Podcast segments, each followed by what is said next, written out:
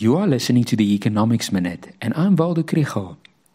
This week, important economic indicators for May and June will be announced. These include employment figures, producer price inflation, consumer confidence, credit extension, the trade balance, and vehicle sales.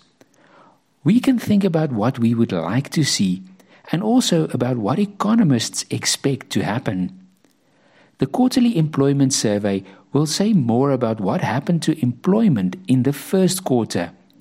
We know that the economy grew more strongly than expected and unemployment was a little bit lower.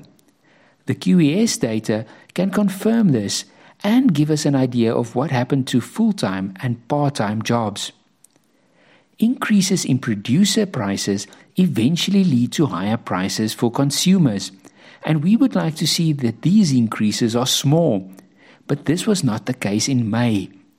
Increases in fuel and food commodity prices hit producers first, and consumers expect producer prices to have increased by 14% in May.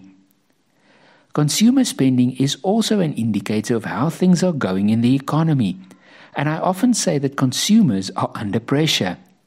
FNB and the Bureau of Economic Research's Consumer Confidence Index will say how consumers have been affected by rising prices and interest rates in the second quarter.